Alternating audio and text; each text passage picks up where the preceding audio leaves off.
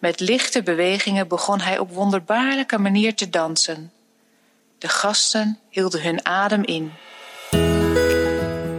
Welkom bij de podcastserie Verhalen voor de Advent.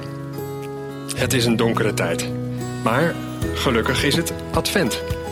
Laten we deze vier weken voor de kerst nou eens gebruiken om elkaar verhalen te vertellen. Voor jong en oud. Goeie of ontroerende of grappige, maar in ieder geval lichtgevende verhalen. Net wat we nodig hebben. De dans van de kraanvogel, een Aziatisch sprookje.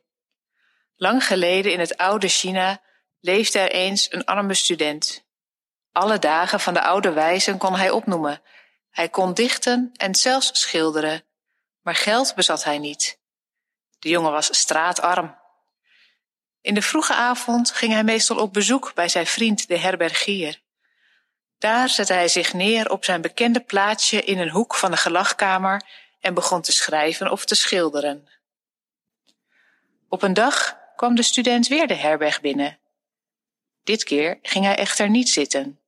Hij nam een pot Oost-Indische inkt, doopte zijn penseel erin en schilderde met enkele zwierige streken een kraanvogel op de muur.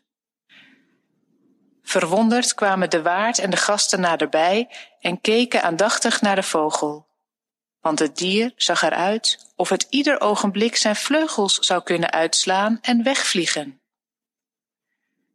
Toen wendde de student zich tot de waard en sprak: Beste vriend, vandaag vertrek ik uit deze plaats. Maar omdat u altijd zo goed voor mij geweest bent en blijkbaar weet wat honger is, heb ik u als afscheidsgeschenk deze kraanvogel op de muur geschilderd. U hoeft slechts driemaal in de handen te klappen of de kraanvogel strijkt neer op de vloer en maakt een dansje voor u en de gasten. Maar, beste man, houd er rekening mee dat de vogel slechts eenmaal per dag kan dansen.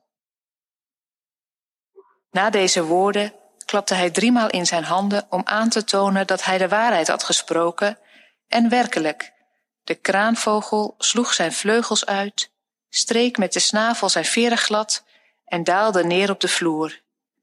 Met lichte bewegingen begon hij op wonderbaarlijke manier te dansen. De gasten hielden hun adem in. Toen de vogel zijn dans beëindigd had, steeg hij van de vloer op en het volgende ogenblik was hij weer de bewegingloze afbeelding op de muur. De student nam daarna hartelijk afscheid van de verblufte waard en ging heen. Van die dag af brak er een gouden tijd aan in de herberg. De gasten stroomden toe, want iedereen wilde de dans van de kraanvogel zien. En hoewel de waard wel eens terugverlangde naar de stille figuur in zijn eigen hoekje van de gelagkamer, iedere keer als de kraanvogel op de vloer neerstreek, was het of de student in levende lijven voor hem stond. Op een dag verscheen een bekende rijkaard in de herberg, een slecht en hebzuchtig mens. Toen de kraanvogel gedanst had, eiste de man dat het dier nogmaals zou dansen. Dat is onmogelijk, werkelijk, dat kan niet, verklaarde de waard. Maar de rijkaard, gewend voor geld alles gedaan te krijgen, wierp een buidel met goudstukken op tafel en zei kalm: Ik wil dat hij nog eens danst. Wat kon de arme waard beginnen? Met een bang hart klapte hij nog eens driemaal in de handen. De kraanvogel aan de wand bewoog zich, langzamer dan anders, en streek met droevig hangende kop naar beneden. Hij danste. Maar het was een vreemde dans waarbij alle gasten tranen in de ogen kregen. Zo danst een dier dat sterven gaat, dacht de waard ontzet.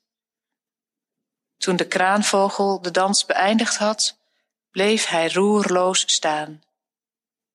De deur werd geopend en daar stond de student in de herberg.